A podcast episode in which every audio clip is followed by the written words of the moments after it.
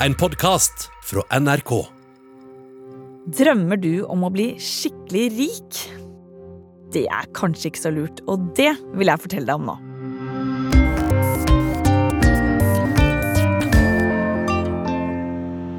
Jeg heter Cecilie Langen Becker og jobber som økonomikommentator i NRK. Det er mange som drømmer om å bli styrterike. Om å bade i penger og kunne kjøpe seg alt de ønsker seg. Jeg syns det er på tide at vi prater om hva det å være rik faktisk gjør med oss. Tenk så mye mer avslappet alt hadde vært om vi slapp å jage etter drømmen om å bli styrtrike. Dette burde jo vært pensum.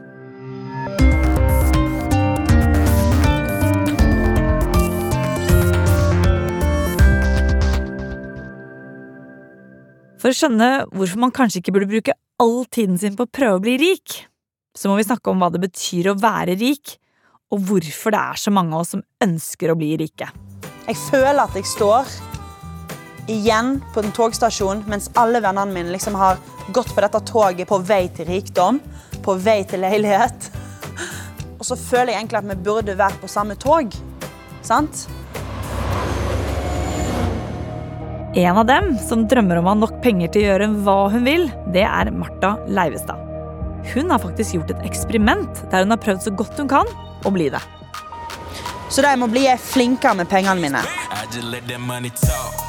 Gjennom serien Marta blir rik på NRK så forsøker humorprofil Marta Leivestad å tjene så mye penger at hun ikke lenger trenger å tenke på hva hun bruker. For hvorfor ville hun egentlig bli rik?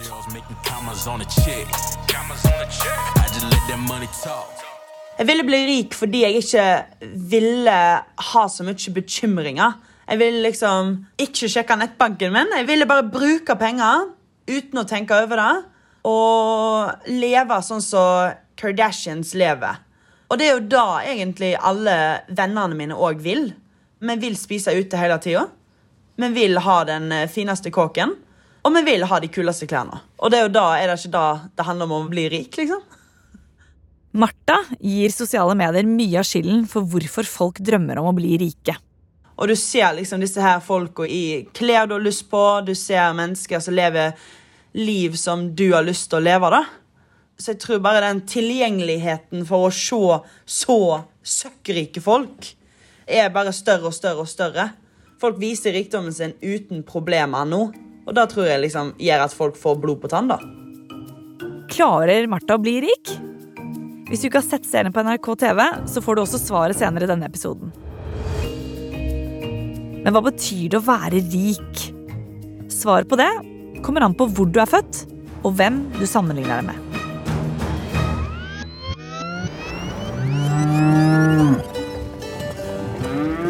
På 1800-tallet, mens Napoleon herjet i Europa og sykkelen ble funnet opp, levde vi aller mest av landbruk. Maten og klærne de lagde vi selv hjemme på gårdene vi bodde på. Rikdom for 1800-tallsfolkene ble målt i hvor stor gården var, hvor mange dyr de hadde, hvor mange folk som jobbet for gårdeierne. Og de som var rike, de produserte mat, mange klær og klarte å bytte til seg det de trengte. Men dette skulle snart endre seg. Nå hører du lyden av en vevemaskin. En fantastisk oppfinnelse fra starten av 1800-tallet. Den gjorde det mulig å masseprodusere tekstiler. Siden de store maskinene masseproduserte klær til en billig penge, så ønsket heller folk å kjøpe klær istedenfor å lage dem selv. Enkelt fortalt hva som ble sett på som rikdom, gikk fra hvor mange kuer du hadde på båsen, til å tjene nok penger for å kunne kjøpe seg det man selv ønsket. I dag kan rikdom både handle om å ha dyre ting som viser at du har mye penger, som f.eks. stor båt, rask bil, hytte rett ved slalåmbakken på fjellet eller med egen strand og brygge ved vannet, dra på eksotiske ferier, ha dyre klær Og alt dette skal helst vises frem til andre. Men det kan også handle om trygghet og valgfrihet, sånn at du kan bruke tiden din på det som er viktig for deg. Men at det er pengene som styrer hva du skal gjøre med livet ditt, det kan være litt flaut å si. Og selv om eh, du kanskje ikke burde bli superrik, så skal jeg først nevne en god grunn til at vi egentlig skal være litt glade for at mange ønsker å bli styrtrike. For resultatet av det kommer oss alle til gode. Følg med nå. Det er en grunn til at alle politikere snakker masse om verdien av at folk jobber, fordi det er så innmari viktig for at samfunnet skal fungere. De som jobber, de betaler skatt. Og jo mer man tjener, jo mer skatt betaler man, både i prosent og i kroner og øre. Disse pengene utgjør en mye større sum enn pengene vi henter fra f.eks. oljefondet. De aller fleste jobber skaper verdi for andre. Som setter pris på det du lager eller den tjenesten du tilbyr. Tenk snekker eller frisør. Og hvis snekkeren ønsker å starte sitt eget firma, ansette andre snekkere til å jobbe for seg, og kanskje tjene mer penger enn hvis hun jobbet for noen, så har hun skapt både arbeidsplasser og bidrar med mer penger i skatt. Folk i finans de er ofte en utskjelt rase. De kalles pengeflyttere uten verdi. Men hadde vi ikke hatt noen som flyttet penger, så kunne man sett for seg at f.eks. det grønne skiftet hadde gått tregere. Fordi man trenger jo noen til å koble penger med de beste grønne ideene. Sånt blir det vekst av. Så at folk blir rike gjennom verdiskapning, det er bra. Da blir kaken større. Det som ikke er så bra, det er å tjene penger på å utnytte mennesker. Gjennom f.eks. slavekontrakter, hvitvasking av penger, narkotikahandel eller ved å få folk til å gjøre ting de ikke vil. Poenget da, er at det er fine og ufine måter å bli rik på i dag. Men for de fleste som går igjen i de norske skattelistene, så har de tjent penger gjennom å skape verdier. Selv om det selvfølgelig er noen unntak.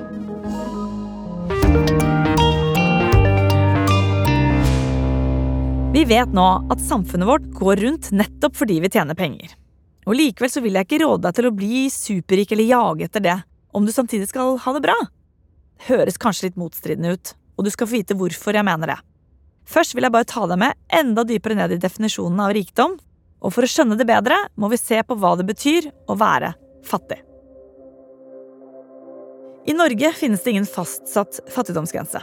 Men norske myndigheter bruker som oftest EUs grense på 60% av medianinntekten som et utgangspunkt, uten å kalle det en fattigdomsgrense. Og hvis du løftet øyenbrynene langt opp i pannen da jeg sa medianinntekt, fordi du ikke husker helt hva det betyr, så kan jeg kjapt fortelle deg at du kan tenke på det som den midterste inntekten av alle inntekter i Norge. Ifølge Statistisk sentralbyrå er medianinntekten i Norge på rundt 540 000 kroner. Og etter denne definisjonen så vil du være under fattigdomsgrensen hvis du tjener mindre enn 324 180 kroner. Det betyr jo ikke at hvis du tjener 324 181 kroner, så defineres du som rik. Det betyr bare at om du tjener 324 108, så regnes du ikke som fattig. Det vil si at utenom fattigdomsgrensen så er det ikke noen definisjon på hvem som er rike i Norge. Det nærmeste vi kommer, er kanskje Økonomibladet Kapitals liste over de 400 rikeste i Norge. Men hvis du ikke finner navnet ditt på denne listen, hvordan skal du da vite om du er rik eller ikke? Det kommer an på hvem du sammenligner deg med. En fattig person i Norge vil sammenlignet med en fattig person i la oss si Honduras ikke være særlig fattig. Men sammenlignet med andre nordmenn kan den som er fattig, ha veldig lite. Og hvor mye penger trenger vi for å leve et vanlig liv, egentlig? En må jo ikke ha en stor båt eller et kjøleskap med isbitmaskin i seg. Men man må ha råd til tak over hodet og mat inni kjøleskapet. På universitetet Oslo OsloMet så forsker de bl.a. på forbruk. Forskerne har kommet frem til noe de kaller referansebudsjett. Det er en slags objektiv oversikt over hvor mye penger du trenger for å leve det man kaller et anstendig liv i ulike livsfaser. Er du gift og har to barn, f.eks., så trenger familien 20 000 kroner i måneden å bruke på mat, drikke, leker, sykler, bøker, kinobesøk, fritidsaktiviteter, såpe og bleier. Her vil du kanskje tenke at eh, man må ikke gå på kino for å leve. Men forskerne lager altså budsjett ut fra at folk vil også ha det fint og moro, men innenfor rimelighetens grenser. I tillegg til de 20 000 så kommer utgifter til bolig, Renter, avdrag, oppussing og bil. Er du en vanlig familie på fire, så regner forbruksforskerne ved Oslo OsloMet med at du trenger 240 000 kroner i året bare til forbruk. Og med de tallene så er det vanskelig å leve det forskerne kaller et anstendig liv, selv om du ikke befinner deg under fattigdomsgrensen. Hvis du nå bare tenker på hvordan du kan bli superrik, så er du kanskje ikke så interessert i å høre om referansebudsjettene fra forbruksforskerne. Du vil heller kanskje se mot stjernene og strekke deg mot de absolutt rikeste. Leser vi skattelistene, så er det 66 nordmenn som har en formue på over 1 milliard. Og dette er et tall som bare øker år etter år. Skattelistene fra året før viser at tallet var på 63. Vi blir rikere og rikere. Og det er spesielt de som er rike fra før av, som blir rikere. Han som tjente aller mest, det er han her. Jo mer du evner, jo mer må du gi. Eh, og det å kunne dele av sin rikdom, eh, det, det er en velsignelse. Trond Moen tjente 600 millioner kroner i 2019 på aksjer, og eier et selskap som bl.a. selger rør og pumper til oljeindustrien. Og så gir han bort mye penger til gode formål. Mange milliarder, faktisk. Til forskning og f.eks. til idretten. Når vi hver dag leser og hører og ser hva de styrtrike folkene i verden driver med, så er det kanskje ikke så rart at du innerst inne tenker at du også vil ha en leilighet midt i New York. Med basseng på taket. Eller kanskje en egen jaktfarm i Kenya der du kan ta med de andre rike vennene dine over en savanne og speide etter sjiraffer og løver og antiloper. Vi bidrar jo til en bedre verden, vi.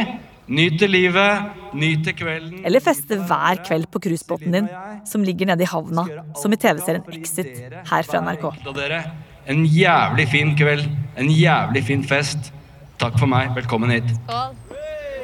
Hvorfor virker det som at nok aldri er nok for de rikeste? Jeg har sett en større konsentrasjon av fullkomne rasshøl i livet.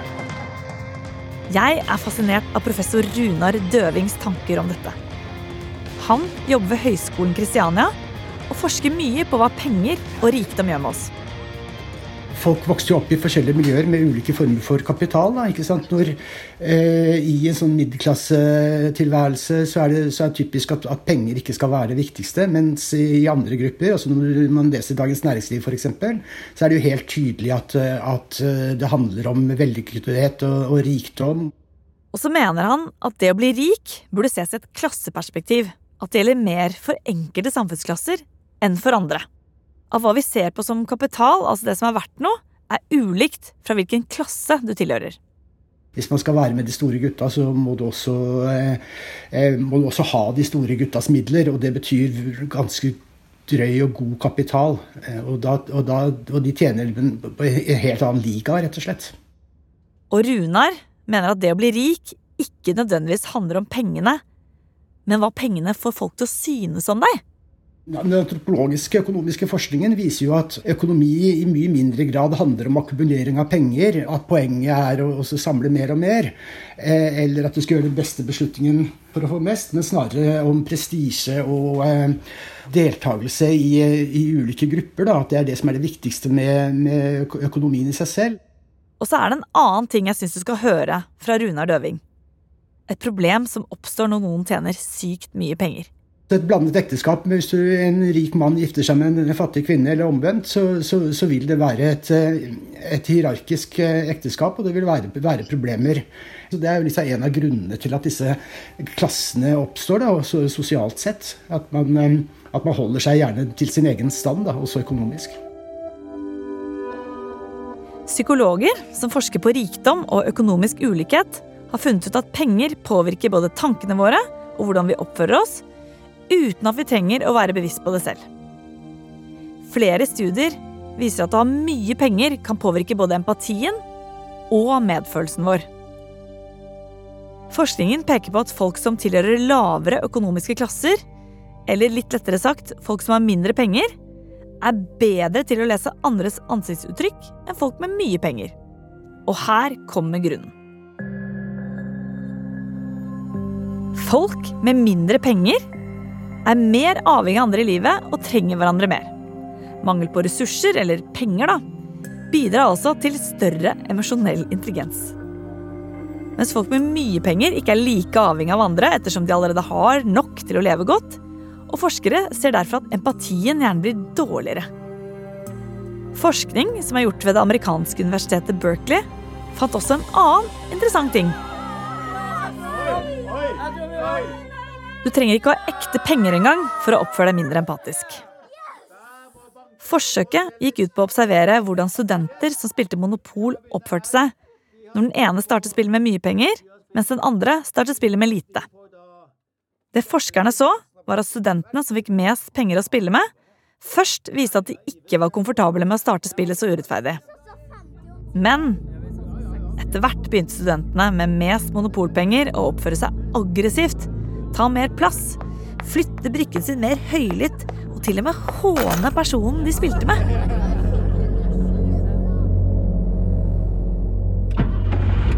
Og nå skal vi ut på bilveien. Det ble nemlig gjort en annen studie ved Berkeley som viste hva rikdom gjør med deg i trafikken. De undersøkte hvordan bilister oppførte seg ved fotgjengeroverganger der fotgjengere skal krysse veien. Her så forskerne at de som kjørte luksusbiler, fire ganger så ofte som andre bilister, kjørte over fotgjengerovergangen selv om fotgjengerne ventet på kryssegaten.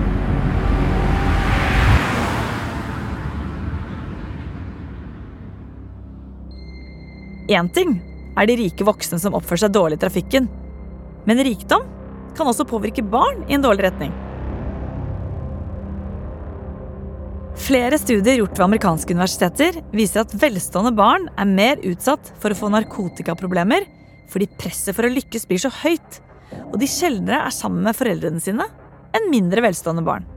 Og hva er grunnen til det? Jo, foreldrene har gjerne jobber som gjør at de er lite hjemme, og de rike barna forventes gjerne å ha mange fritidsaktiviteter, og da økes forventningene enda mer for å lykkes. Men det er ikke bare velstående barn som sliter med rus. Det gjelder også velstående voksne. Nå er dette amerikansk forskning, vel å merke. Og det er ikke bare å direkteoverføre det til hvordan vi har det her i Norge. Men jeg syns likevel det er interessant. Og trist. Og enda en grunn til å kanskje ikke jage etter det å bli superrik. For ifølge den amerikanske forskningen drikker velstående folk 27% mer enn de med dårligere råd. Og om ikke det er nok, kan penger faktisk endre hvordan hjernen din fungerer. Hvis du har vært bortom litt psykologi eller pedagogikk, så har du kanskje hørt om behaviorismen. Hvis ikke, så skal jeg raskt forklare at behaviorismen ser på hvordan vi oppfører oss. En hund kan f.eks. lære seg å trykke på en knapp om hunden får et hundegodteri hver gang den trykker på den knappen. Hundens oppførsel forandrer seg altså fordi hunden får en belønning. Sånn er det med oss mennesker også. Vi kan forandre hvordan vi oppfører oss om vi får noe igjen for det. Når vi får en belønning vi liker, så skapes det hormoner i hjernen, som f.eks. dopamin. Det føles så godt at man gjerne vil gjøre det samme en gang til, så følelsen kommer tilbake. For dopamin gir oss nytelse. Og dopamin utløses gjerne av alkohol, overspising, sex, gambling og av penger, viser det seg. Å få penger, eller tjene mer penger, da, kan utløse dopamin i hjernen, sånn at man vil ha mer penger for å få følelsen igjen. Og på den måten så kan man faktisk utvikle en avhengighet av å tjene penger. Og forskning viser også at det ikke er noen sammenheng mellom penger og lykke. Og når jeg sier dette, så mener jeg jo ikke at en fattig familie som så vidt har råd til å betale regninger og ikke har penger til å kjøpe mat, at de føler seg veldig lykkelige. Vi trenger en del penger for å slippe å tenke på penger, så vi ikke bekymrer oss for mye og slipper å føle på stress og uro. Men når man har nok penger til å betale for det man trenger, så viser forskning at man ikke blir lykkeligere av å ha en ekstra null bakerst i saldoen i nettbanken. At det ikke er så viktig om det er 10 eller 100 millioner. Veldig mye penger kan faktisk gjøre deg mindre fornøyd. Ja, ulykkelig. Det viser seg at mange som er svært velstående, lider av depresjon i større grad enn de som ikke har like mye penger. Og det er ikke pengene i seg selv som er problemet, men at penger får oss til å strebe etter mer rikdom og materielle ting som dyrere biler, større båter, finere hus, hytter som ligger enda nærmere skiløypen, eller ferieturer som er enda mer eksklusive enn den vi var på i fjor. Og jo mer materialistiske folk blir, jo tristere blir de. Forskning viser også at de som setter materialistiske verdier høyt, ofte er mindre fornøyd med relasjonene de har til andre. Skjønner du nå hvorfor du kanskje ikke bør bruke all tiden din på å prøve å bli steinrik?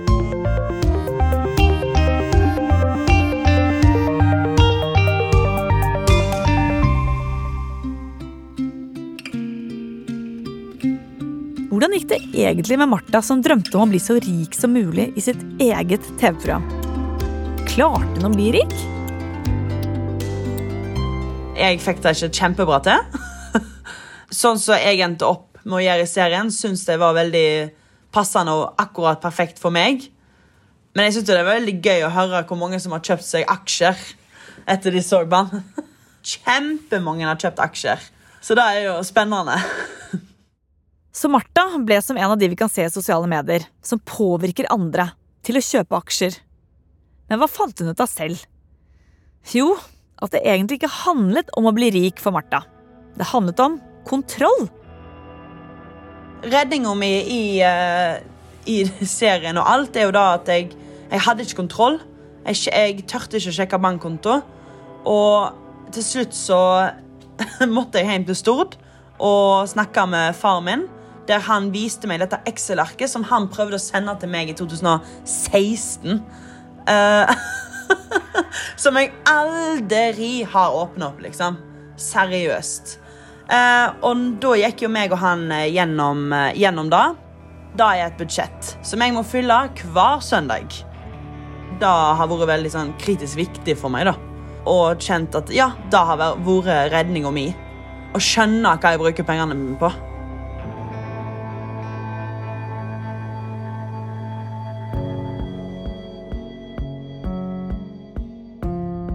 Jeg startet episoden med å fortelle deg at det å bli rik er noe veldig mange drømmer om.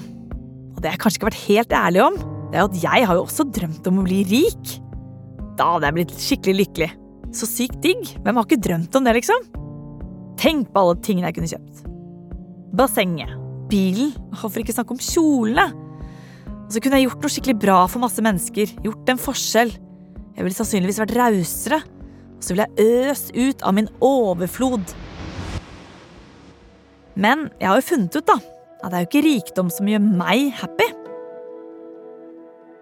For på den ene siden så er det jo bra å jakte på noe. Bli drevet fremover av et mål der fremme, der oppe. Og på den andre siden så bør kanskje mange av oss ta en fot i bakken og tenke at dette er bra nok. Å leve nå. Fordi for de fleste av oss så handler denne tanken om å bli rik kanskje vel så mye om friheten og mulighetene det vil gi meg. Og skal jeg være helt ærlig med meg selv, så har jeg det jo innmari bra.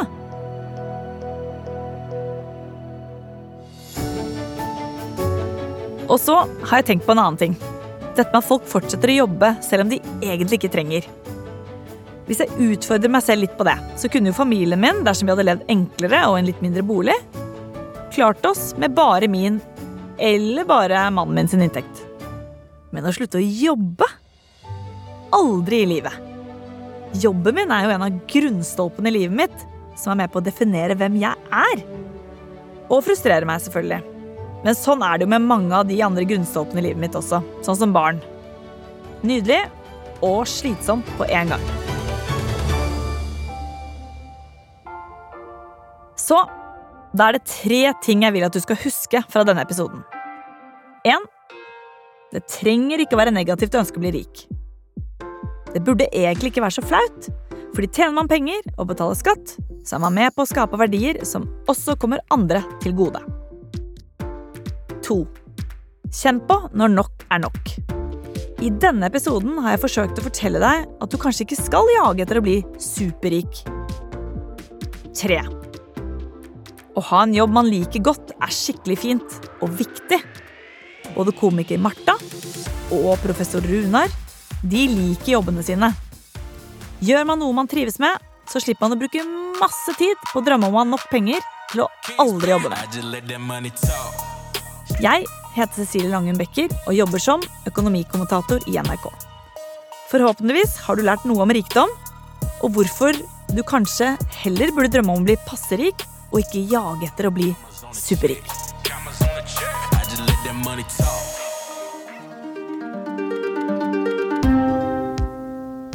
Har du lyst til å høre om flere temaer som burde vært pensum? Følg Burde vært pensum i appen NRK Radio. Burde vært pensum er laget av Lyder Produksjoner for NRK. Produsent Tine Eide. Musikken er laget av Halvard W. Hagen og Jens Petter Nilsen. Lyddesign ved Sondre Myrhol. Eksekutiv produsent Christian Marstrander.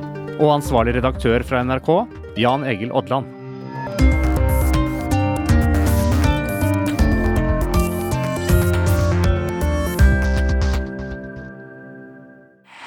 En podkast fra NRK.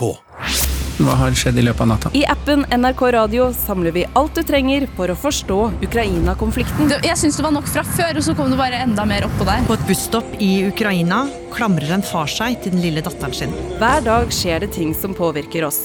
Vi stiller spørsmålene og forsøker å forstå. Vi må tilbake til de gamle grekerne for å forstå begrepet oligarker. Hvorfor det? Det er heftige greier. Last ned appen NRK Radio og finn ut hva som ligger bak alle overskriftene fra Ukraina. NRK Radio. Vi hører sammen.